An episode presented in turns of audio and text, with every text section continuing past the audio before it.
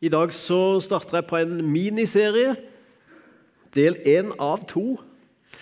Eh, og Den handler om en bevegelse mot sentrum. Så jeg har rett og slett kalt den 'Veien mot sentrum 1' og 'Veien mot sentrum 2'. Eh, vi skal se litt på noen få tekster fra Det nye testamentet, og hva det gjør med mennesker når Jesus oppdages. Når bevegelsen er imot han, og hva da som skjer med oss. Um, la oss lese teksten med en gang fra 1. Korinterbrev. For om ett lem lider, lider alle de andre med. Og om ett lem blir hedra, gleder alle de andre seg. Dere er Kristi kropp, og hver av dere et lem på Han. Og sånn er det altså. Det er viktig at det blir et spørsmål om relasjon eller om person. I politikken så snakker vi Vi må ikke ta liksom, det personlige eller om mannen eller kvinna. Vi må snakke sak. Her er det akkurat omvendt. Vi må snakke person, og egentlig ikke sak.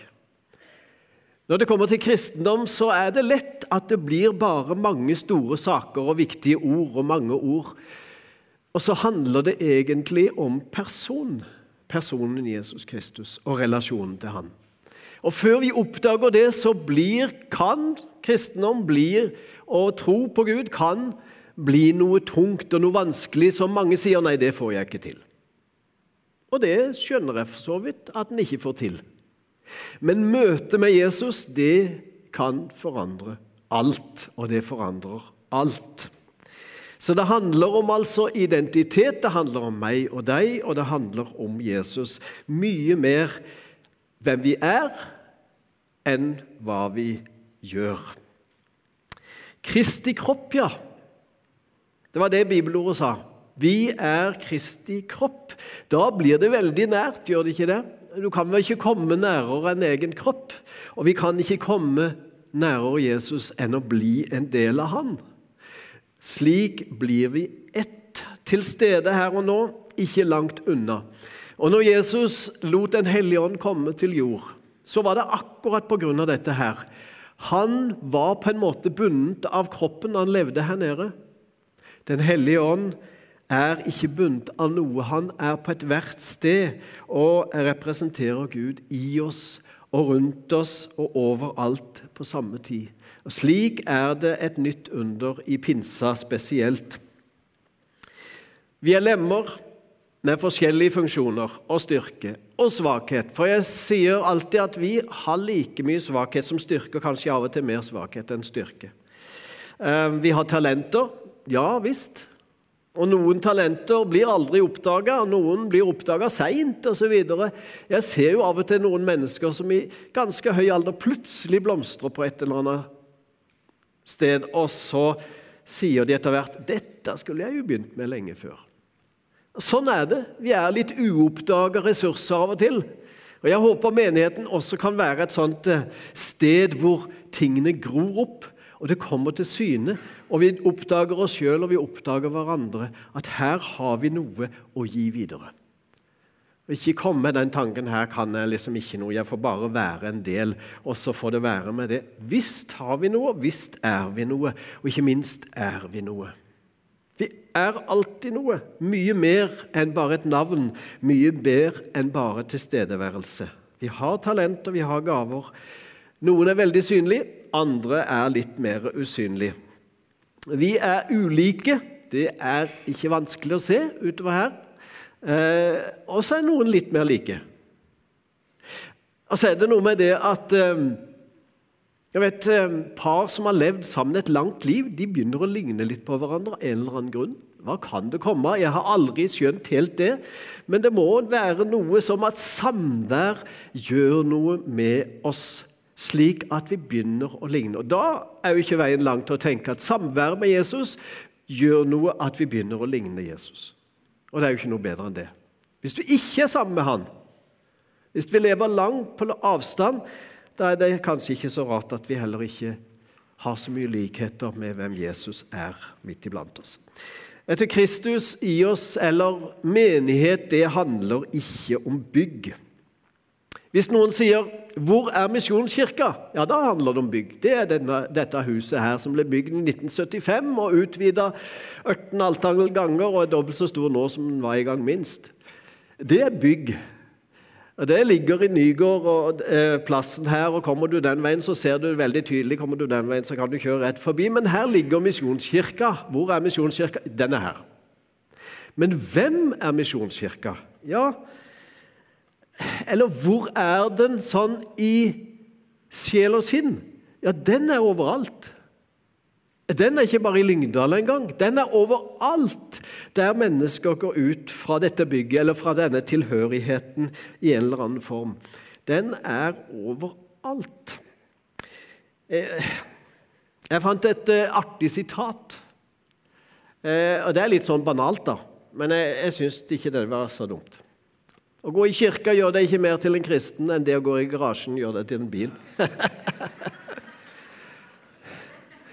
ja, vi har vel aldri tenkt tanken at vi skulle bli bil ved å gå i garasjen. Men faktisk er det noen som tenker tanken at kommer jeg bare inn her, så blir jeg liksom bare kristen. Det er jo ikke sånn. Det er Kristus eller Jesus som gjør oss til kristne. Altså kristne Kristus like. Det er han som gjør det, og det kan vi bli her eller alle andre steder der Jesus er. Men her er et fint sted å bli det. Håper jeg. Eh, bort fra det der sitatet igjen, da. Hvordan er det med Kristi kropp? Ja, vi har en identitet og en hensikt, det tror jeg på. Jeg tror ikke vi er skapt uten hensikt i verden. Av og til så går det lang tid å oppdage hensikten. Av og til så begynner det tidlig. Um, og sånn er det vel med oss. Vi er litt forskjellige sånn. Men vi har et avtrykk som er helt unikt. Fingeravtrykket vårt vet du, det er helt unikt. DNA det er en fantastisk holdt på å si, oppfinnelse. Det er jo ikke en oppfinnelse med oppdagelse. da. Eh, for Gud skapte DNA lenge før noen kom til å tenke på det. Men fortsatt i dag så brukes fingeravtrykk som identifikasjon, for det er i hvert fall helt unikt. Ingen har ditt og mitt fingeravtrykk slik som de er. Ehm, vi er unikt skapt i Jesus Kristus, med en egen identitet, med en egen hensikt. Og ingen er skapt lik som deg og meg. Ingen har eksakt like, lik identitet eller hensikt. Vi har alle forskjellige gaver og oppgaver og tilstedeværelse osv. Dermed gjør det jo en menighet rik, tenker jeg. Kristi kropp den har mange forskjellige lemmer, og det gjør den så rik. Um, det å være vitner i vår tid, f.eks., det kan gjøres på 100 000 forskjellige måter. For vi er jo vitner En eh, klok mann, en kristen, han var, eh, han var, avisredaktør i sin tid. Han var til og med stortingspresident rundt krigstidene. C.J. Hambro. Han sa det sånn Kristendommen har for mange advokater og for få vitner. Er ikke dumt sagt. Altså advokater som bruker loven opp og ned og prøver å vinne sin sak. Ja, Vitner, ja. Det er noe annet. For da har vi sett noe, da har vi erfart noe. Da står vi i noe som vi vil formidle til andre. Og det er unikt. Det er vår, vårt liv, det er vår opplevelse, det er vårt ståsted. Det kan vi være vitner om. Det kan ingen andre være vitner om akkurat på samme måte som deg og meg. For vi har vår egen vei til det. Så det finnes ingen fast oppskrift på det å være vitne. Jeg husker en gang på bibelskolen i, i min tid, da, på 70, slutten av 70-tallet, så, eh, så, var det sånn, vi som gikk på bibelskolen En dag i semester så, så, var det evangeliseringsdag. Og Da var det sånn at en kjente at oi, nå skal en inn i samme støpte former her. Og Heldigvis så gjør de det ikke sånn lenger, men vi ble sendt ut av alle steder på Oslo. Jeg fikk Bjølsen sammen med en annen kamerat. Og hvis en kjenner eh, Bjølsen litt, og områdene rundt. I hvert fall på den tida så var det noe sted som var rødt, noe sted så var det der. Og Vi banka på dører og skulle vitne om Jesus. Ingen åpna, bortsett fra én. Dør på vid vegg. Og Så viste det seg at det var Jehovas vitner som bodde der. Da kjente vi oss små. Og Jeg tenkte at dette kommer aldri til å gå bra hvis jeg skal bruke livet på det. Og det har jeg heldigvis heller ikke gjort. Eh, for det tror jeg ikke hadde gått bra. Så liksom å støpe oss inn i en form, sånn skal du gjøre det. På den måten skal det være. Det tror jeg ikke på. Og Bibelen snakker egentlig aldri heller om det. Men den snakker om å være vitner. Det vil si bruke det vi har sett og erfart og er, og gi det videre. For det er alltid unikt. Og den friheten må vi ha. Nå skal jeg ta fram ett vitne. En disippel av Jesus som heter Andreas. Og Se på dette bibelordet her. Andreas, Simon Peters bror, var en av de to som hadde hørt det Johannes sa. Og Johannes hadde sagt, 'Se der Guds lam som bærer verdens synd', og pekt på Jesus, altså. Som, og som hadde fulgt etter Jesus. Han fant nå først sin bror Simon og sa til ham, 'Vi har funnet Messias'. Andreas. Hvem var Andreas? Jo, han var Simon Peters bror. Han står litt i skyggen av Peter. Peter ble plutselig veldig synlig for alle eh, når han trådte fram. Altså. Men han gikk til Peter og fortalte nå må du se noe jeg har funnet her. Nå har jeg fulgt døperen Johannes en stund. Det har ikke du. Du har holdt på med fiskinga di. Men jeg har fulgt døperen Johannes, og nå har Johannes sagt at der er han vi skal følge. Nå må du komme med meg og møte Jesus. Og så førte Andreas sin bror Peter til Jesus. Holdt på å si, Det ble et lykkelig møte for, ti, for all tid etterpå. Og Hadde ikke Andreas gjort det, så vet jeg ikke hvordan Peter hadde kommet i kontakt med Jesus. Men Andreas var en sånn Kom og se. Jeg har opplevd noe. Kom og se, du òg. Og så går vi sammen dit. Det er et sant vitne, altså. Andreas kristne blir vel mange kalt den dag i dag. Altså, Andreas hadde vært Johannes sin disippel. Han var vant med litt disippelliv. Og nå gikk han til Jesus sammen med Peter. Og så måtte Peter finne sin måte å møte Jesus på, utvikle disippelforholdet på. Det skal jeg si litt om neste søndag. Hvordan Peter utvikla disippelforholdet sitt. Han måtte gjennom noen tøffe tak måtte ha noen viktige, vanskelige læringspunkter før han ble en moden etterfølger av Jesus. Det skal jeg si mer om neste gang. Men Peter måtte finne sin måte å utvikle disippelforholdet på. Han kunne ikke være som sin bror Andreas, for han hadde ikke vært sammen med Johannes Peter. altså. Nei da, han måtte gjøre det på sin måte, og han måtte gå sin egen vei. Men det begynte med sin brors overbevisning, sin brors invitasjon, sin brors veivisning, veivising, som hadde fulgt døperen fra før. Slik er det jo eh, Nå er jeg nesten inne på alfa. da. Slik er invitasjonskulturen i alfa. Vi inviterer med noen, for vi har fått smaken på noe. Og Jeg oppfordrer til å gjøre det, altså.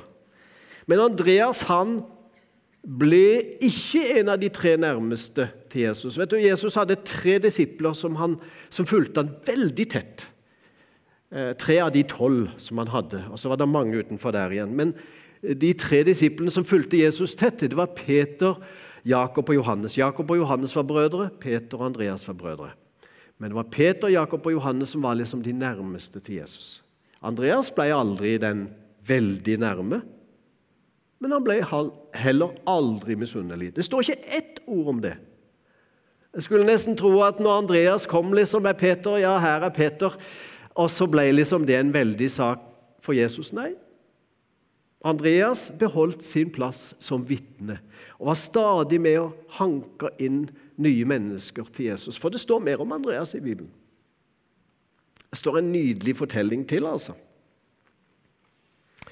Det står at eh, om eh, Når Jesus forvandla de fem fiskene og to brødene til, til eh, så mye mat som kunne mette 3000, 5000 osv., så, videre, så gjorde Andreas noe smart i forkant. Han så gutten som hadde med seg niste hjemmefra. Um, og Det står det i Johannes evangelium, kapittel 6. Altså, han, han, så han og sa uh, Kom her, bli med meg til Jesus. Du har i hvert fall noe. Kanskje Jesus kan bruke det. Jeg skjønner ikke hvordan i så fall han skal gjøre det, men du har i hvert fall noe. Kom med meg. Og så tok han med seg gutten til Jesus. Igjen en sånn en invitasjonskultur. Igjen sånn en disipp, igjen sånn et vitne som tar med andre til Jesus. Så står det ikke noe om gutten videre. Det står at Jesus velsigna de fem brødre og to fiskere. Altså, det, det, som var Var det fem brød og to fiskere, eller fem fiskere og to brød? Jeg ble jeg usikker her. Men uansett så ble det veldig mye mer enn det. Det står ingenting om hva som skjedde med gutten. Det hadde vært interessant å høre hans historie. Jeg skal ja, Nei, vedde gjør jeg vanligvis ikke. Men jeg, skal, jeg er ganske sikker på at det forvandla også den guttens liv. Som sprang hjem til sin mor eh, på slutten av dagen og sa 'Vet du hva jeg har opplevd?' Og mora ville nesten ikke tro han, det er jeg helt sikker på. Hvis ikke mora over med, da. Eh, og fikk se det som skjedde når Jesus gjorde et stort under. Men det var Andreas som fikk med seg gutten. Enda et, en sånn en disippel vitner sak som Andreas hadde i blodet, altså. Det lå bare foran. Slik var han utrusta. Slikt talent hadde Andreas, og han brukte det, selv om han ikke ble det helt innerste kretsen rundt Jesus. Han ble aldri misunnelig på det heller. Men Andreas han ble misjonær. Og han og det vil si at han kryssa kulturgrenser med evangeliet og dro langt av stedet. Langt av sted. Jeg vet ikke om dere har sett eldgamle kirker. Stavkirker eller eh, så gamle kirker at eh, de har et sånt eh, kryss i strukturen sin rundt omkring. Og Så tenker en av og til ja, men det er bare sånn som snekkeren har bygd for at det skal være stabilt. Nei da. I de gamle kirkene så er det faktisk ikke det. Det er Andreaskorset. Det er Andreaskorset. For Andreaskorset det er sånn et kryss. Og slik ble Andreas korsfesta og ble drept på den måten. Så Andreas-korset det er et kryss. Og når du ser et kryss neste gang, så er det ikke noe tilfeldig. Tenk på Andreas, som var et vitne, og som inviterte andre med til Jesus. Som fikk betale hardt for det en gang. Men han tok med seg evangeliet jo hvor? Jo, til Tyrkia, til Syd-Russland, nord for Svartehavet. Hvor var det kristendommen kom til Norge fra? Jo, det var kongene som dro, eh, dro jordsaler og ned og henta kristentroen med seg hjem til Norge. Så det skulle ikke forundre meg om at eh, vi har også noe å takke Andreas sin livsgjerning for når vi sitter her i dag og har troen på Jesus så rikelig blant oss. Han tok det med seg ut, og mange ble kristne ved Andreas sitt liv og sin tjeneste, selv om vi ikke hører så mye om han ellers. Det er blitt et symbol i kunst, og, og eh, Andreas ble korsfesta. Til og med hvis du ikke tenker på det, men, men det der eh, krysset det er det også mange flagg som har. Vi er vant til at liksom, det er et korsflagg sånn. Men et sånt kryss det er også et kors, og det fins også i mange flagg i dag rundt omkring i verden. Det er en opprinnelse fra Andreas-korset. Så Andreas fikk betydning for mange flere enn seg sjøl. Han lot det egoistiske være. Han lot det behagelige livet ligge, og så inviterte han andre. Og så er det jo sånn at ikke alle vi inviterer, og sier 'ja, jeg blir med'. Noen sier Takk for det, men nei. Andreas stoppa aldri med det, og det ga resultater. Det ga frukter. Det var et misjonalt liv. Og jeg tenker sånn at kristen identitet, kristenliv, det er automatisk synonymt eller likeverdig med et misjonalt liv. Det kommer vi ikke utenom. Det er ikke sånn at eh, vi kan være kristne, og hvis vi er spesielt interessert, så er vi misjonale, eller så, så tenker vi misjon, eller noe sånt. Nei. Kristenliv er et misjonalt liv. Det vil si kristenliv, Kristus-lik liv, det er alltid å bringe det videre. Det er å være et vitne. Disiplene, hvilke vitner var de? De skulle være vitner først og fremst om én ting Jesu oppstandelse. Og det fikk de svi for, og det fikk de fengsel og piskeslag for. og Med en gang så ble det reagert sterkt på, altså.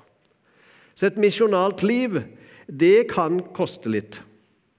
Men vi er ikke et helt vanlig menneske som ikke betyr noe for andre. Vi er satt inn i en familie som er Guds menighet. Misjonskirka, ikke bygg, men identitet.